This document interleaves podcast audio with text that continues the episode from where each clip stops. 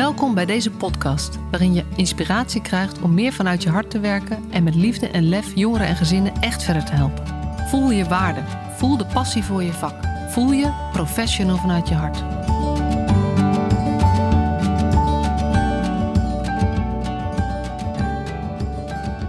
Wat ontzettend leuk dat jij hierbij bent, want dit is een jubileumaflevering. Zo, zo ervaar ik het in ieder geval zelf. Het is aflevering 60. Nou, dat vind ik al heel, ehm, eh, heel stoer klinken. Maar ehm, het is ook deze week een jaar geleden dat ik met deze podcast begonnen ben. En ehm, nou, dat is, dat is toch wel uh, voor mezelf iets waar ik best wel trots op ben. Dat ik niet één week overgeslagen heb. Ik heb echt minimaal één aflevering per week gepubliceerd. En in ieder geval de maandagen, dat is mijn vaste dag. En er zijn een aantal keer dat ik een tweede aflevering heb gedaan. En mensen die het echt volgen, die hebben ook gemerkt dat ik mee ben gestopt. Dat vond ik toch wat heftig. Maar één keer per week, dat is haalbaar. En uh, dat vind ik ook leuk om te doen. En het is voor mij een hele goede stok achter de deur. En uh, nou ja, zo, zo zie je maar dat, uh, wat ik natuurlijk vertel in de podcast, wat in mijn boek staat. Met kleine stapjes. Eén stapje, daar zie je gewoon bijna geen verschil. Maar als je heel veel stapjes achter elkaar blijft zetten en je eigenlijk alleen maar focust op het eerstvolgende stapje, en je kijkt na een jaar of na drie maanden eens even achterom waar je, hoe ver je eigenlijk gekomen bent, dan ben je opeens um, een jaar verder met podcasten en 60 afleveringen uh, verder. Um, en uh, ik heb eventjes gekeken, als ik goed heb geteld, heb ik, uh, heb ik maar liefst 43 afleveringen met een gast gedaan. En één iemand is twee keer geweest. En in één aflevering zaten twee gasten. Dus dan zou ik ook 43 gasten hebben gehad in mijn podcast. Ja, en dat vind ik ook echt zo mooi. Want, want ik heb zulke toffe mensen ook ontmoet. En zulke toffe verhalen gehoord. Um, ook doordat ik met deze podcast een soort vrijmoedigheid heb gevonden om gewoon mensen te benaderen en te zeggen: joh, ik ben benieuwd naar jouw verhaal. Vind je het leuk om mij dat te vertellen in een podcast, zodat ook andere mensen daarvan uh, mee kunnen genieten en geïnspireerd door kunnen raken? En um, ja, ik, ik moet zeggen dat er, dat ook een heleboel mensen zijn um, met wie ik anders niet in contact was gekomen. Omdat uh, het, nou ja, de mail van zullen we een keer een kopje koffie drinken, die krijg ik zelf best wel vaak. Uh, en dat vind ik soms wat lastig, omdat je dan, ja, weet je, dat zijn heel veel, het zijn waardevolle ontmoetingen, maar ze zijn ook vaak wel eenmalig. En nou ja, dat, op een gegeven moment zijn er te veel mensen die je gewoon eenmalig ontmoet en waar je niet zo niet zo'n band mee kunt opbouwen of zo. En ik merk dat de, de meeste mensen die als gast zijn geweest in mijn podcast, dat, die, um, dat, dat, dat, dat het een stapje verder gaat dan gewoon een kopje koffie drinken samen. Omdat je samen iets gemaakt hebt waar je ook weer anderen blij mee kan maken. En uh, in, uh, in ondernemerstermen noemen ze dat content. Nou ja, ik vind het een beetje ingewikkeld woord, want dat klinkt meteen zo marketingachtig. Um, content marketing hebben ze het dan ook over. Maar het, is, het gaat ook over waarde delen. Want um, al die kopjes koffie die ik drink, en um, misschien die jij ook wel drinkt, ik ben me steeds meer gaan realiseren dat de gesprekken die ik bij die kopjes koffie heb, heel vaak ontzettend inspirerend zijn. Omdat er gewoon ontzettend veel leuke, bevlogen mensen um, überhaupt zijn. Maar ook in onze sector werken of er rondomheen um, uh, werken. En dat is ook oh, het ontstaan van deze podcast, of van het format van deze podcast, is ook precies dit. Dat ik dacht, die leuke gesprekken die ik heb met mensen, waar ik zelf vol energie uitkom en um, uh, waar de ander ook uh, meestal energie van krijgt, laten we die nou gewoon eens opnemen en gaan delen met, met andere mensen. Dus ja, er zijn een aantal mensen die ik wel beter kende, maar heel veel gasten heb ik echt een beetje leren kennen door de podcast. Uh, en waarvoor ook mijn, mijn grote dank aan, aan de gasten. voor het delen van hun verhaal en voor, voor de openheid en voor de ontmoeting. Soms ook um, met best wel persoonlijke dingen. En uh, echt, echt heel erg mooi. En um, wat ik ook, wat je natuurlijk in de gaten houdt, is hoeveel mensen luisteren er nou eigenlijk naar zo'n podcast. En ik weet, ben niet zo goed in. ik, ik ken cijfers van anderen niet, dus ik weet niet wat het precies zegt. Maar ik heb wel inmiddels, en daar ben ik ook wel best wel trots op, meer dan 16.000 keer, eigenlijk om, ik ga even kijken. Precies te zijn 16.000 ja, ja, 16.300 keer is er naar een podcastaflevering geluisterd. Betekent niet, nog niet dat er 16.000 eh, verschillende luisteraars zijn. Want ik weet dat er mensen zijn die vrijwel alle afleveringen geluisterd hebben. Maar het zijn er alsnog ontzettend veel mensen die, uh, die geluisterd hebben naar de podcast. En die ook. Um, uh, nou ja, ik, ik ben zo dankbaar voor, voor jullie. Want jullie zijn degene voor wie ik het doe.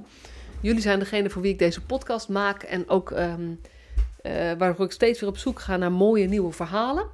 Nieuwe ervaringen, nieuwe inspirerende mensen die ook, uh, ook iets met ons kunnen delen. Waar ik zelf uh, um, geïnspireerd door raak en, en ook anderen. En dank jullie wel ook als je mij laat weten wat je ergens van vindt. Er zijn best een hoop reacties die ik gekregen heb, ook van mensen die ik niet persoonlijk ken. Juist van mensen die ik niet persoonlijk ken. Die ook zeggen: Jouw podcast helpt mij om mijn energie uh, hoog te houden.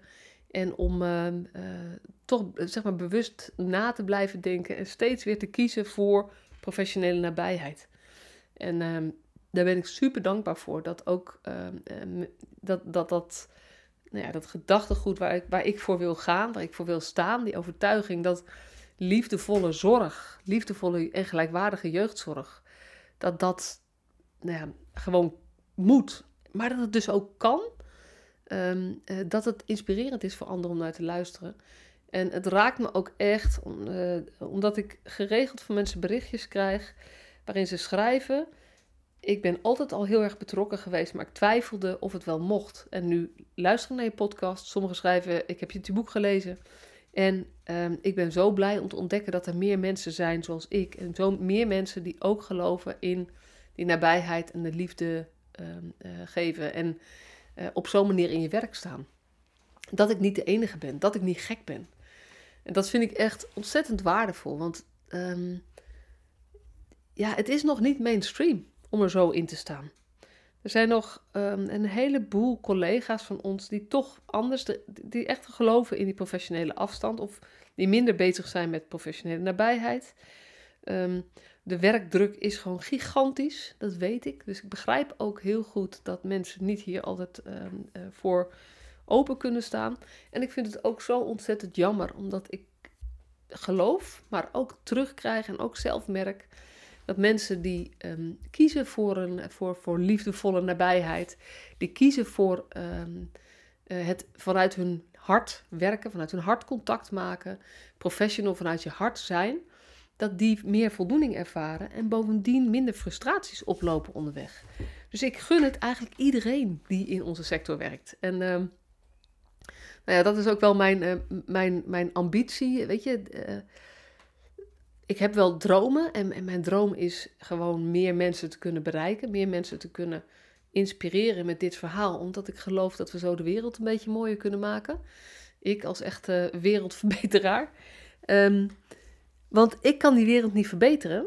Dat zijn gewoon de mensen die in de praktijk het werk doen. En dat zijn uh, uh, jullie, zeg ik maar eventjes. Dat zijn de luisteraars. Dat ben jij.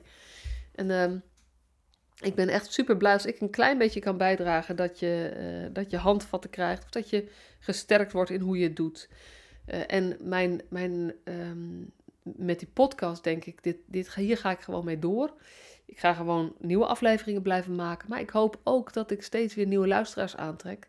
Omdat ik denk dat we, als we allemaal een klein beetje meer dit doen. Nou ja, als je de podcast langer volgt, dan weet je dat ik dit, dit helemaal is waar ik voor, uh, voor wil gaan.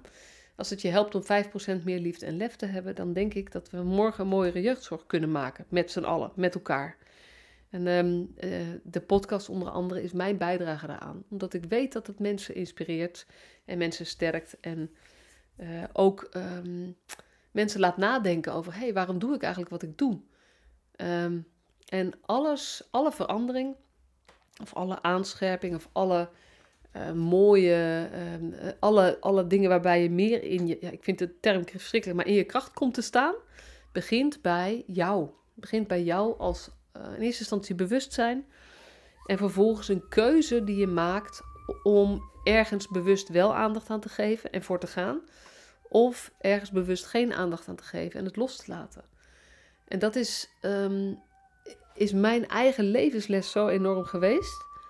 Dat, ik weet niet of jullie het ook horen, maar er wordt hier op straat volgens mij gegild door een paar kinderen. Het is nu afgelopen. Het blijft zo grappig met die, die achtergrondgeluid. Ik ben benieuwd of jullie dit ook, of ik dat straks op de opname hoor. Want de, ik neem het op met een microfoon bij mijn laptop. Dus in theorie zou die achtergrondgeluiden moeten dempen. Maar uh, ik ben benieuwd of ik het straks terug hoor. Um, maar het gaat over die eigen keuze. En um, nou ja, jullie, uh, de meeste van jullie zullen weten dat ik een, uh, een award gewonnen heb een tijdje geleden. De Bit Positivity Award van de, voor de meest positieve onbekende Nederlander. Een titel waar ik best wel nou ja, wat moeite mee heb om die volledig aan te nemen. Maar waar ik van alle kanten eigenlijk liefdevolle schoppen onder mijn kont krijg. Uh, dat ik daarover niet zo moet zeiken. En dat ik vooral moet doorgaan met wat ik al aan het doen ben. Dus ik, ik doe hard mijn best om daar ook gewoon in te stappen. En um, uh, het vervolg van, van die award winnen is dat ik van een aantal kanten ook een interview heb gekregen. Dus in de Volkskrant is een artikel verschenen en in, de, en in het AD.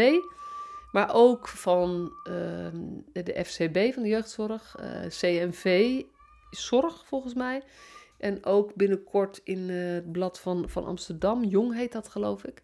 Dus je krijgt allemaal vragen. Oh ja, en ook nog iets in de microgids, geloof ik. Dat dat gaat uh, verschijnen, een artikel over gezondheid en hoe positiviteit effect heeft op je gezondheid. Uh, maar het zijn, wat grappig is, dat je dus van die, al die journalisten vragen krijgt die je nadoet denken over, maar wat is nou eigenlijk waar ik in geloof, waar ik voor sta? En hoe verwoord ik dat nou? En welke, ze vragen altijd welke tips heb je nou? En dat zijn eigenlijk twee tips die ik het meeste geef. De ene is, uh, richt je op dingen waar je invloed op hebt. Dus uh, um, je, bekijk wat er allemaal om je heen gebeurt. beslis ook waar je je mee bezig wil houden. En kies dan voor dingen waar je invloed op hebt. Want daarmee ga je de wereld veranderen. Als je je bezighoudt met dingen waar je geen invloed op hebt, verandert er gewoon niet zoveel. En de tweede is, um, als ik naar mijn eigen leven kijk en mijn eigen ontwikkeling, is de, de grootste stap die ik zelf heb genomen, is dat ik me ben gaan realiseren. Ik ben de enige die, kan, uh, die voor mij kan zorgen. En ik ben de enige die kan zorgen um, uh, dat ik leef op een manier die ik prettig vind of waar ik gelukkig van word. En dat hangt nooit van omstandigheden af. Dus um, hoe meer verantwoordelijkheid ik ben gaan nemen voor mezelf, hoe um, uh, makkelijker het leven geworden is en eigenlijk nog steeds wel wordt. Uh, dus dat zijn eigenlijk de twee adviezen die ik het meest geef aan mensen. En ik kreeg van, van Jong ook een, de vraag wie mij inspireert of een voorbeeld. En ik, ik wist daar niet zo'n antwoord op. Ik werd ook een beetje door overvallen. En toen heb ik een aantal namen genoemd. weet je, Mahatma Gandhi, Nelson Mandela, Martin Luther King, dat zijn voor mij hele grote inspiratiebronnen. Um, maar ook Oprah Winfrey, de manier waarop zij haar eigen verhaal gebruikt om de levens van anderen te veranderen. Uh, en uh, ook Brene Brown, die, met haar, die als professor eigenlijk een wetenschap, met een wetenschappelijke achtergrond um, gekozen heeft om um, het op zo'n manier te gaan uitleggen, de wetenschap zo te gebruiken in een verhaal wat voor iedereen toegankelijk en begrijpbaar uh, is. Uh, en uh, haar boek De kracht van kwetsbaarheid is natuurlijk heel mooi. Ze heeft ook een podcast Dare to Lead. Dus dat is ook een vrouw die ik heel erg bewonder. En die mij ook nou ja, steeds weer raken in. Ehm, weet je, je, je kan gewoon echt verschil maken als je het maar klein maakt. En ik, nou, ik had dit, volgens mij heb ik dit lijstje gezegd. Volgens mij komt uiteindelijk, mocht, het er moest één iemand overblijven. Dus volgens mij komt uiteindelijk Brene Brown als inspiratiebron naar voren voor mij in dat artikel. Omdat dat ook wel echt um, uh, een voorbeeld voor mij is in, in jezelf meenemen en uh, ook gebruik maken van je wetenschappelijke kennis. Uh, dat het meer is dan je, je hart laten spreken, maar dat het ook echt is, of, je levensverhaal vertellen, maar dat het echt ook is gebruik maken van de kennis die je hebt. Zoals voor mij professional vanuit je hart ook betekent. Um, en net van gisteren was dat, zag ik um, op internet een interview, een stukje interview met, met iemand. En toen dacht ik, diegene had ik eigenlijk moeten noemen. En dat is Edith Eger Ik weet niet of je wel eens van haar gehoord hebt. Ik zeg altijd gewoon Edith Eger, want zo schrijf je het. Maar zij is Amerikaans, dus het is Edith, Edith Eger. Uh, en zij uh, is nu 93. Zij is Holocaust-overlevende. Ze heeft in Auschwitz gezeten. En zij heeft op haar negentigste de eerste boek geschreven. Dus nog een paar jaar geleden. En het boek heet De Keuze. En ik heb dat boek gelezen en dat is echt ontzettend indrukwekkend. En ik begreep uit dit interview dat er nu een, een volgend boek van haar uit is. En misschien tussendoor ook nog wel andere. En dat heet Het Geschenk. Maar in het interview wat ik, wat ik net ehm, zat te kijken, dat heeft ze met, met Jacobine Geel. Daarin vertelt ehm, Edith, zeg ik gewoon nog maar, um, eigenlijk over dat verantwoordelijkheid nemen en regie pakken over hoe jij omgaat met de situatie. En zij heeft dat natuurlijk maximaal geleerd in Auschwitz, dat de omstandigheden niet veranderd kunnen worden, maar dat vrijheid in jezelf kan zitten. En dat is wat zij bedoelt met de keuze. Je, hebt een, ja, je kan omstandigheden niet veranderen, maar je hebt wel een keuze in hoe je ermee omgaat. En ik vind dat echt ongelooflijk dat iemand in die omstandigheden um, in staat is geweest om een keuze te maken en te bedenken: um, ze kunnen me alles afpakken, maar de vrijheid in mijn eigen hoofd niet. En dan vertaal ik dat naar het nu. En dan denk ik, wij voelen ons ook zo gevangen door de omstandigheden vaak. Uh, en, nou ja, of, of, slachtoffer, of uh, we zijn boos op de omstandigheden. Maar um, dat je je belemmerd voelt, is iets wat je eigenlijk zelf doet. En um, uh, ja, nou ja, dat, dat, dus eigenlijk had ik willen zeggen, het, eh, als voorbeeld, als inspiratiebron, had ik haar wel willen noemen. Dus ik weet niet of je van lezen houdt en of je met dit, dit thema, of je dat interessant vindt. Maar daar staan zo ontzettend veel wijze lessen in uh, over hoe je met dit thema moet omgaan. En hoe je steeds meer um, de vrijheid kunt vinden in jezelf, in plaats van in omstandigheden. En um, uh, ook wijze levenslessen met hoe je moet omgaan met moeilijke omstandigheden. En hoe je dan alsnog nou ja, gelukkig kunt worden. Want nou ja, de, de, Tweede Wereldoorlog fascineert mij sowieso heel veel. Ik heb heel veel over gelezen. En ook over de kampen heb ik veel gelezen. Maar het verhaal ook daarin, wat, dat, dat er gewoon mensen zijn geweest die um, zonder wrok. Je, er zijn heel veel mensen uh, die natuurlijk kapot zijn gegaan. Uh, die ook zo kapot zijn gemaakt door de trauma's die ze meegemaakt hebben daar. En er is een groep mensen die uh, ook zeg maar, op dat moment echt er heel slecht aan toe was. Maar um, het, psychisch wel heeft overleefd. En ook letterlijk heeft overleefd. En weer daarna heeft kunnen gaan leven. En, en dat is zo'n enorme bron van kracht en zo'n enorm voorbeeld. Waar we denk ik allemaal heel veel uit kunnen halen. Want ja, de omstandigheden waar we nu in zitten, waar we, um, uh, Edith Eger zegt ook van, uh, eigenlijk hebben we het nu allemaal beter dan onze ancestors hadden. Um, en nou ja, dat is natuurlijk de vraag of dat zo blijft. Maar um, als ik kijk hoe ik ben opgegroeid en ik kijk hoe mijn ouders zijn opgegroeid, net na de oorlog. In, mijn vader is opgegroeid in Amsterdam, geboren net voor de hongerwinter. En hij was dus gewoon een klein ventje, eind jaren 40 en, en, en, jaren 50, toen het daar zo ontzettend arm nog was. En zij, zij waren ook arm. en als ik dat dan vergelijk met hoe ik opgegroeid ben, en ehm, nou ja, dat, we ook ander soort problemen hebben, denk ik, ja, dat, dat is ook zo. En het is aan ons, het is aan mij om daar een. Um, ja, ook een draai aan te geven. En, en te kijken naar alle mooie dingen die ik heb en die ik heb gekregen. En uh, uh, nou ja, hoe, hoe kunnen we uh, de mogelijkheden die we nu hebben ook gebruiken om het voor iedereen een beetje mooier te maken. En dat, nou ja, dat, dat mijmerde zo een beetje door mijn hoofd. En toen dacht ik, Edith Eger, Edith Eger is echt een, een voorbeeld uh, in, in ongelooflijke kracht uh, en over niet-slachtoffergedrag. Want de, een van de thema's die, die, ik in deze podcast een paar keer naar voren heb laten komen, eh, maar ook in mijn boek een belangrijke rol speelt, is het, het de drama-driehoek, de, redders, de reddersdriehoek. Uh, en toevallig kreeg ik van iemand vandaag nog een bericht via LinkedIn. Dat hij zoveel had gehad aan dat thema, om daar bij zichzelf naar te kijken en daarmee aan de slag te gaan en dingen anders te gaan benaderen.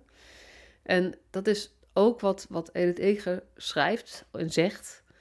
Ehm, want het, dat interview zit wat meer in mijn, uh, in mijn hoofd dan, dan de precieze inhoud van het boek.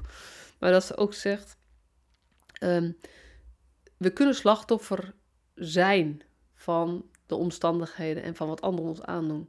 Maar of we ons ook als slachtoffer gedragen, daar ben jij verantwoordelijk voor. En daar zit geen oordeel in naar mensen die zich als slachtoffer gedragen. Maar um, wat zij daarover vertelt, is ook dat dat uiteindelijk dus niet is wat maakt dat je leeft. Als jij uh, als slachtoffer gedraagt en een slachtoffer blijft gedragen, dan blijf je ook jezelf in de weg zitten. En dat is zo zonde. En een van de dingen die zij, um, waar ze nadruk op legt, is ga de dingen als een keuze zien. Ga op zoek naar waar jij invloed op hebt en maak een keuze om, om daar um, uh, om je daar hard voor te maken en daarvoor te gaan. En uh, ik heb het ook even opgeschreven. The more choices we have, dus de meer keuzes die je creëert in je leven, the less we feel like a victim. Want je voelt je slachtoffer als je het gevoel hebt dat je geen invloed hebt op de omstandigheden. Of als je geen invloed hebt op wat er met jou gebeurt. Dus als jij in je hoofd het kan turnen naar dat je meer keuzes hebt en dat je meer um, regie kunt nemen over jouw leven en over jouw zijn en over jou, hoe je je leven in wilt richten en hoe jij, nou ja, als we het naar werk trekken, hoe jij in je werk wilt zijn, dan zit daar nog, er zijn daar zo ontzettend veel mogelijkheden, ook als de omstandigheden ontzettend beroerd zijn. Want je bent misschien slachtoffer, maak ik toch maar even die vergelijking, van een systeem dat niet meewerkt en waarin je allemaal dingen moet doen die je zinloos vindt of stom vindt. Maar of jij je als slachtoffer gedraagt en dus eigenlijk in de, in de fight, fright, flight modus blijft hangen. Dus ofwel wegvlucht, ofwel het gevecht aangaat, ofwel helemaal lam geslagen wordt. Dat is het stukje wat je kunt beïnvloeden. En um, de, de, de vrijheid kan in je hoofd zitten. En dat is, uh, dat is hoe zij dat zo mooi verwoordt. Dus um, absolute aanrader. Deze, deze vrouw, je kan het interview ook, uh, als je haar googelt, kan je dat interview makkelijk vinden. Ze heeft ook wel wat meer uh, interviews gegeven. Uh, ook met Jacob, Jacob van Wielink volgens mij. En het is echt indrukwekkend als je je voorstelt dat deze mevrouw, deze dame van nu 394, als meisje van, van 16 in Auschwitz gekomen is uh, haar ouders uh, daar verloren is en uh, dat ze nou voor Jozef Mengelen moest dansen. Um, om je dat voor te stellen, hoe je dan nog daarna kunt leven. En ze doet het gewoon. Dus dat is echt heel, heel indrukwekkend. Ehm. Dus dat is mijn, ja, iets wat ik jullie, um, ja, ja, dat dacht ik dus achteraf na dat interview. dit is voor mij ook wel echt een voorbeeld. En zonder dat ik het wist, heb ik dus een van die wijze levenslessen die zij heeft opgedaan, uh, heb ik ook zelf opgedaan. En, en uh, um, is iets wat ik op allerlei manieren steeds ook teruggeef aan, uh, aan de wereld. En, en sommige mensen die daar ook echt mee aan de slag kunnen. omdat als je jezelf weer meer bewegingsvrijheid wil geven, dan begint dat bij de keus dat jij besluit dat je je niet meer als slachtoffer gedraagt. Maar dat je altijd op zoek gaat naar waar kan ik iets aan veranderen. En dan hoef je niet eens de andere uh, de omstandigheden te veranderen of de situatie te veranderen, maar waar kan ik anders mee omgaan? En um, uh, ja, dit, dit, dit kan in duizend kleine dingetjes zitten, maar die kleine dingetjes maken wel uit of je, uh, of je energie krijgt van je werk of dat het je energie kost. Dus ga eens na bij jezelf hoe dat bij jou werkt en waar jij wellicht meer energie uit kunt halen, meer, um, uh, meer verschil kunt maken en dus meer voldoening uit kunt halen. Want daarmee krijgen we gewoon een mooiere, uh, mooiere jeugdzorg en mooiere, nou ja, bredere uh, zorg. Want het gaat niet alleen over jeugdzorg. Dat, dat, dat realiseer ik me ook steeds meer. Ja, nog even terug, want ik had nog wat aantekeningen gemaakt voor dingen die ik even, aan de, even wilde aanstippen in deze, deze podcast van één jaar. Ik ben even afgedwaald door, uh, met Edith Eger. Um, want, nou ja, die, ik, ik heb dus uh, uh, vorige maand de, de Bit Positivity Award gewonnen. En dat was wel echt heel bijzonder. die, en ik ben eigenlijk geneigd om dat wat klein te maken. Omdat ik denk, ja, nou ja, weet je, niemand had ooit van die award gehoord van tevoren. Ik ook niet. Dus wat stelt het... ehm, weet je, het is leuk hoor, maar, maar eigenlijk betekent het niet zoveel. Eh en toen had ik vorige week een, ehm, eh, was de Big Improvement Day zelf. En daar was ik ook uitgenodigd als, eh, op het podium om iets te, nog te delen over, nou ja, over nou ja, mijn positiviteit, mijn boodschap. En daar kwam ik ook wat, wat andere mensen tegen en ook de, wat juryleden. En daar heb ik toch wel een beetje van, nou ja, ik zei net al, liefdevolle, die liefdevolle schop onder mijn kont eh, gekregen. Dat ze zeggen, als, als, eh, als het niet bijzonder was wat jij aan het doen was, als het niet bijzonder is dat je hiervoor gaat staan, ehm, terwijl het geluid over de zorg en in de zorg zo anders is, wat er in de media komt en wat mainstream is, ehm, dan hadden we die prijs niet gegeven. Dus eh, zeker wel, ga, ga er gewoon, geloof er ook gewoon in. En ehm, ik realiseer me ook echt dat, eh, ja, het, begint uiteindelijk bij in jezelf geloven. eh, voordat je ook weer een volgende stap kan maken. Dus dat, daar ben ik zelf, dat is mijn persoonlijke, ehm, ik wil niet zeggen eh, frustratie, maar wel zoektocht van dit moment. Van hoe krijg ik dat nou voor elkaar? Om ook te geloven in dat het gewoon, ehm, eh, het, is, het is doorgaan met hetzelfde. Dat is gewoon het belangrijkste. En dat is ook wat ik heel graag wil. En ik geloof ook dat we met z'n allen dan veel meer kunnen, ehm, veel meer kunnen bereiken. En wat heel mooi was eh, woensdag, toen heb ik ook de, de finalisten van de Leraar van het Jaar verkiezing gesproken. En wat zo gaaf is, die leraren, die dus door anderen genomineerd zijn, omdat ze heel inspirerend zijn, zijn allemaal leraren die kiezen voor ehm, eigenlijk professional vanuit je hart zijn. Die kiezen voor de leerling eh, en een stapje buiten het protocol doen. Die kiezen voor het investeren in een werkrelatie met, met leerlingen. En dan noem ik het nu even werkrelatie. eh, misschien noemen zij het allemaal anders. Ehm, die ervoor kiezen om zich niet te druk te maken over alles wat er niet kan. Maar dingen eh, te creëren die wel kunnen. Dus het zijn precies dezelfde thema's. En het is ook echt wel heel erg tof om hun energie te voelen. En ook verbinding daartussen te gaan leggen. Dus het, eh, ehm, ik heb ook met, eh, met hen al afgesproken dat ik één of twee van hen ook in deze podcast ga uitnodigen. Omdat binnen het onderwijs hetzelfde fenomeen speelt als binnen de jeugdzorg. Dat het soms zo moeilijk is om nog te zien waar je invloed op hebt en hoe je verschil kunt maken. Maar als je dat doet, dat je werk gewoon zoveel leuker wordt. En je bovendien veel meer betekent voor de leerlingen en voor de kinderen en jongeren. Dus dat is wel echt. ehm, ja, vind ik wel een cadeautje met die, die eh, verbinding met onderwijs. En ehm, ik ben ook eh, benaderd voor een onderwijscongres in eh, november om daar te mogen, iets te mogen vertellen over professional vanuit je hart. Omdat iemand het in de Volkskrant had gelezen. en, en de leraren van het jaar hebben mij uitgenodigd voor ook hun event in december. om daar ook deel van uit te maken. Omdat we met eigenlijk allemaal geloven dat dit een nieuwe manier is die, ehm, die ook de toekomst heeft. Dus daar gaan we, gaan we lekker voor. We gaan lekker verbinden. En we gaan eens kijken wat het, wat het betekent als we met z'n allen, met mensen met de neus dezelfde kant op, oh, eh, die de neus dezelfde kant op hebben staan, aan elkaar verbinden. Eh, want daar, dan, dan, ja, dan ga, ik geloof dat er, er gaat geen revolutie komen, maar er gaat een evolutie komen. En daar kunnen we, daar kan ik deel van uitmaken, daar kan jij ook deel van uitmaken. En daar maken we denk ik al deel van uit. Als je nu nog steeds luistert naar deze podcast, dan heb je al, eh, dan, dan eh, denk ik dat je wel aangesproken moet voelen door dit gedachtegoed. Want anders ga je niet naar zo'n eh, one-woman show de hele tijd luisteren. Want zo voelt het voor mij nog, hè. Ik weet dat anderen zeggen, nee joh, het is leuk om je gedachten te volgen. Maar ik heb het altijd het gevoel dat het een soort one-woman show is.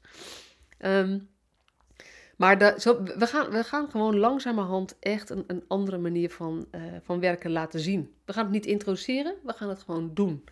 En daar zit ook de grote kracht in. En ehm, ik keek ook nog eens even terug op dat, op dat jaar.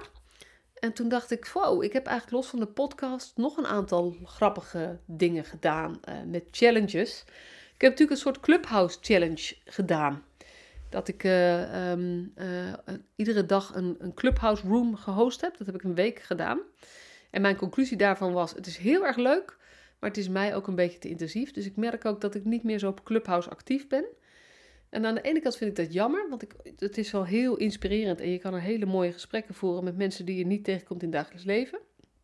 Maar eh, in combinatie met, met mijn gezin, ehm, uh, kost het me uh, te veel tijd. Het, het, is gewoon moeilijk. Nou ja, ik, ik merk dat ik er uh, niet altijd tijd voor vrijmaak om, om dat te doen. Dus ik vind het een super medium. Het is ook deze week, wordt, vorige week ook voor, voor Android wordt het uitgerold. Het is echt een super manier om mooie gesprekken te voeren met mensen die je eigenlijk niet zo snel tegenkomt. Dus geniet ervan, maar met mate. Dat is in ieder geval mijn eigen, mijn eigen conclusie. En ik heb ook een, een video challenge gedaan dat ik video's ben gaan maken. Um, met, uh, met begeleiding van iemand. En dat waren dan video's van 3, 2, 1 minuut en een halve minuut. Echt kort. Uh, wat voor mij heel lastig is. Want ik ben makkelijker. Ik, ik vind lange video's makkelijker. Um, en daarbij ben ik. Wat, het, wat de challenge was op zich al video's maken en die posten. En dat ga ik wel. Uh, daar moet ik een beetje een ritme voor gaan vinden. Maar dat ga ik wel echt ook weer oppakken. Um, maar het meest bijzondere eraan is dat deze um, videocoach mij ook zover heeft gekregen dat ik een TikTok-account heb gemaakt. En TikTok is voor kinderen, voor jongeren. Dat is in ieder geval mijn beleving. Want uh, mijn kinderen van 11 en 13 vinden TikTok geweldig. En ik word helemaal gek als ik er naar kijk. Maar wat die coach zei, uh, is dat TikTok wel een, uh, heel groeiend is en echt een mega bereik heeft. Dus hij zei: Doe het nou gewoon en we zullen het wel zien. En ja, het is echt ongelooflijk maar waar dat, dat er... Uh, ik heb een paar filmpjes gemaakt voor TikTok, ik denk zeven of zo. En eentje daarvan is dus viraal gegaan en heeft meer dan 70.000 kijkers gehad. Nou, dat is echt heel veel. Ik weet niet of jullie een beetje in social media aantallen zitten. Maar meestal is een, uh, een post op LinkedIn met een, met een paar duizend, zeg maar, of 10.000 is echt wel aardig wat. En natuurlijk zijn er mensen die er heel veel, nog veel meer halen. Maar ik haal, ja, 10.000 is echt een grote uitzondering uh, als dat lukt. En bij TikTok dus, ondanks dat ik daar helemaal niet actief ben en, en, geen connecties heb, is het dus mogelijk om, om veel meer mensen te bereiken. En dat heeft mij wel weer aan het nadenken gezet. Um, gecombineerd met, met bijvoorbeeld de, de mensen van, die van het onderwijs, van die uh, uh, leraren van het jaar. Ik ben best wel actief op social media. Ik, heb, ik doe ook best veel. Ik laat me veel zien. Ik voer veel gesprekken met allerlei mensen. En niemand van die finalisten, van die twaalf finalisten, kende mij. Eentje kende mij vaag, maar de rest kende mij niet. En ze zijn ook allemaal actief op LinkedIn bijna. Dus toen realiseerde ik me, we zitten, en zo werkt social media natuurlijk ook, je zit in je eigen bubbel. Je kan het bubbel noemen of fuik. ik laat me even bubbel noemen. Je zit in je eigen bubbel en daarin bereik je elkaar en uh, daarin uh, inspireer je elkaar ook. Maar het is best wel lastig om ook buiten je eigen bubbel um, uh, te raken. En dat is natuurlijk, hoe heet het, heet het? De Social Game of zo. Ik weet niet meer hoe die film heet. Je hebt een film, ik heb hem niet gezien, maar ik heb er veel over gehoord. Wat dit precies laat zien. Dit is waarom als je een, in complotten, bepaalde complotten gelooft, um, en je zit ook op social media, dan ga je er steeds meer in geloven. Want je ziet steeds meer berichten die jou Um, het is trouwens niet alleen bij complotten, maar je ziet steeds meer berichten die een beetje in je straatje passen. Dus je wordt heel erg bevestigd in je eigen uh, mening meestal. Dat is hoe so social media werkt. Want als jij iets liked, krijg je meer dingen te zien die daar een beetje ook over gaan. Um, maar dat betekent dus als je andere mensen wil bereiken, als je met andere mensen wil connecten, zul je ook, moet je echt op de een of andere manier in een andere bubbel terechtkomen. En dat is nog een hele uitdaging. En nu even terug naar. en dat dacht ik dus bij TikTok. Um, dat schijnt gewoon nog wat minder uitgewerkt te zijn met, um, met hoe, welke mensen je dan bereikt en zo. Dus ik vind het wel fascinerend. En ook al is het helemaal niet mijn platform, ik denk dat ik daar toch nog eens wat ga experimenteren. Omdat video's maken vind ik nog steeds spannend en lastig. En doe ik ook niet zo uh, uh, makkelijk. Dus ik, um, ik moet mezelf een beetje uitdagen, blijven uitdagen. Um, en uh, ja, wie weet uh, waar dat dan weer zeg maar, toe gaat leiden. Dus uh, TikTok is wel fascinerend. Ik weet niet uh, of jullie het kennen. ik denk dat het voor jongeren is het een van de grootste platformen op dit moment. Platforms. en jongeren zegt tot een jaar of 22. Instagram is, is kijken ze, zitten ze ook wel op. Maar, maar als ik kijk naar mijn kinderen, wat ik ervan weet, is dat Instagram toch voor ook de wat oudere doelgroep is. En aangezien we, uh, deze podcast is voor uh, mensen die ook met jeugd en jongeren werken, denk ik dat het realiseer je ook dat zeg maar Facebook of TikTok zijn totaal verschillende dingen. Het is een totaal andere manier van social media en er zit totaal andere uh, inhoud ook op. Dus um, als jij werkt met jongeren, ga gewoon eens voor de gein kijken op TikTok. Je wordt er in ieder geval wijzer van, uh, doordat je erachter komt wat nu veel jongeren leuk vinden. En uh, ik heb daar, nou ja, ik heb me daar wel over verbaasd, laat ik het zo maar even noemen. En het heeft me daarom ook verrijkt. En ik denk dat uiteindelijk de basis van alles is: kan je connecten? Ben je oprecht benieuwd naar de ander? Als je werkt met jongeren, dan is het belangrijk om ook te realiseren: social media is heel belangrijk voor hen. Dus zou het ook belangrijk moeten zijn voor jou. In ieder geval in die zin dat je weet waar het over gaat, waar het naartoe gaat en een beetje hoe het werkt. Eh, omdat je, ehm, als je dat niet doet, het veel moeilijker is om de aansluiting te vinden. En zo heb ik ook uh, een tijdje geleden Pokémon Go op mijn telefoon gezet. Uh, mijn zoon is uh, eh, 13 en die is, um, ja, dat is gewoon een echt jongen. Die houdt niet zo van praten en kletsen. En die houdt van gamen en voetbal. Nou, dat zijn dingen waar ik niet zoveel van hou. Dus soms is het best wel eens zoeken van hoe krijg ik nou een gesprek met hem ergens over? Of hoe krijg je nou die connectie? Omdat we zo, zulke verschillende mensen zijn. Dus we, we, hebben, we hebben een hele goede band, maar het is wel eens lastig. En ik merk nu ik Pokémon Go op mijn uh, telefoon heb gezet. Um, en dat ook nog echt af en toe speel. Gewoon ook om, met hem samen, maar ook af en toe alleen. Merk ik dat hij, um, dat hij een stap naar mij toe doet. Dus dat hele idee van jij moet zelf de eerste stap zetten en uitreiken. Um, wordt in ieder geval voor mij weer bevestigd in uh, de relatie met mijn zoon. En, en nou ja, TikTok is een voorbeeld. Uh, mijn kinderen vonden het helemaal leuk dat ik op TikTok zat. Um, maar dat geldt dus ook voor, voor bijvoorbeeld Pokémon Go of een ander spelletje. Als je daar echt helemaal niks van weet, ga jezelf eens verrassen. Ga eens uit je comfortzone. Je bent heus niet meteen verslaafd met rare dingen bezig. Maar um, het geeft ontzettend mooie nieuwe aanknopingspunten bij jongeren die um, wat lastiger zijn in het contact. Het is me zowaar gelukt om bijna 40 minuten vol te lullen. Nou, dat de, daar ben ik ook een klein beetje trots op. Want um, zo'n solo podcast vind ik best wel lastig. Dus uh, dankjewel als je tot hier hebt geluisterd. Dan, uh, dan heb ik hem voor jou ook gemaakt. En ik ga genieten van dit moment.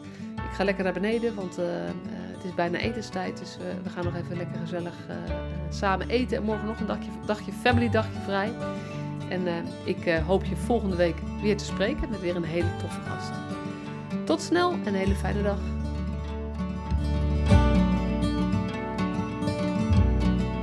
Superleuk dat je weer luisterde naar deze podcast. Dankjewel. Nog even kort een paar belangrijke dingen. Ten eerste, het is mijn missie dat de jeugdhulp weer een sector wordt waarin bevlogen, liefdevolle professionals jongeren en gezinnen echt verder helpen. Daarom maak ik deze podcast voor jou. Wil jij deel uitmaken van deze beweging van professional vanuit je hart waarin professionals elkaar steeds opnieuw inspireren? Begin dan met het lezen van mijn boek. Je kunt de eerste hoofdstukken helemaal gratis lezen. Ga naar professionalvanuitjehart.nl/slash boek. Ten tweede, wil je alle podcastafleveringen overzichtelijk onder elkaar? Abonneer je dan op deze podcast. Klik in je podcast-app op de button subscribe of abonneren. En elke keer als er een nieuwe podcastaflevering gepubliceerd wordt, ontvang je automatisch een berichtje. Ten derde, Ondersteun je mijn missie? Geef me dan een review via je podcast-app, bijvoorbeeld iTunes of Spotify. Op die manier kan ik nog meer professionals bereiken. En ken je een collega voor wie deze podcast ook interessant is? Dan zou het super zijn als je hem of haar de podcastaflevering doorstuurt. Bijvoorbeeld door de link te kopiëren via Spotify. Ik vind het altijd heel leuk om berichtjes te ontvangen van luisteraars om te horen wat je van een podcast vindt of als je misschien vragen of suggesties hebt. Of als een aflevering je een bepaald inzicht heeft gegeven of er iets in beweging is gekomen. Stuur me dan even een berichtje op masha.professionalvanuitjehart.nl via de website of stuur me een connectieverzoek op LinkedIn.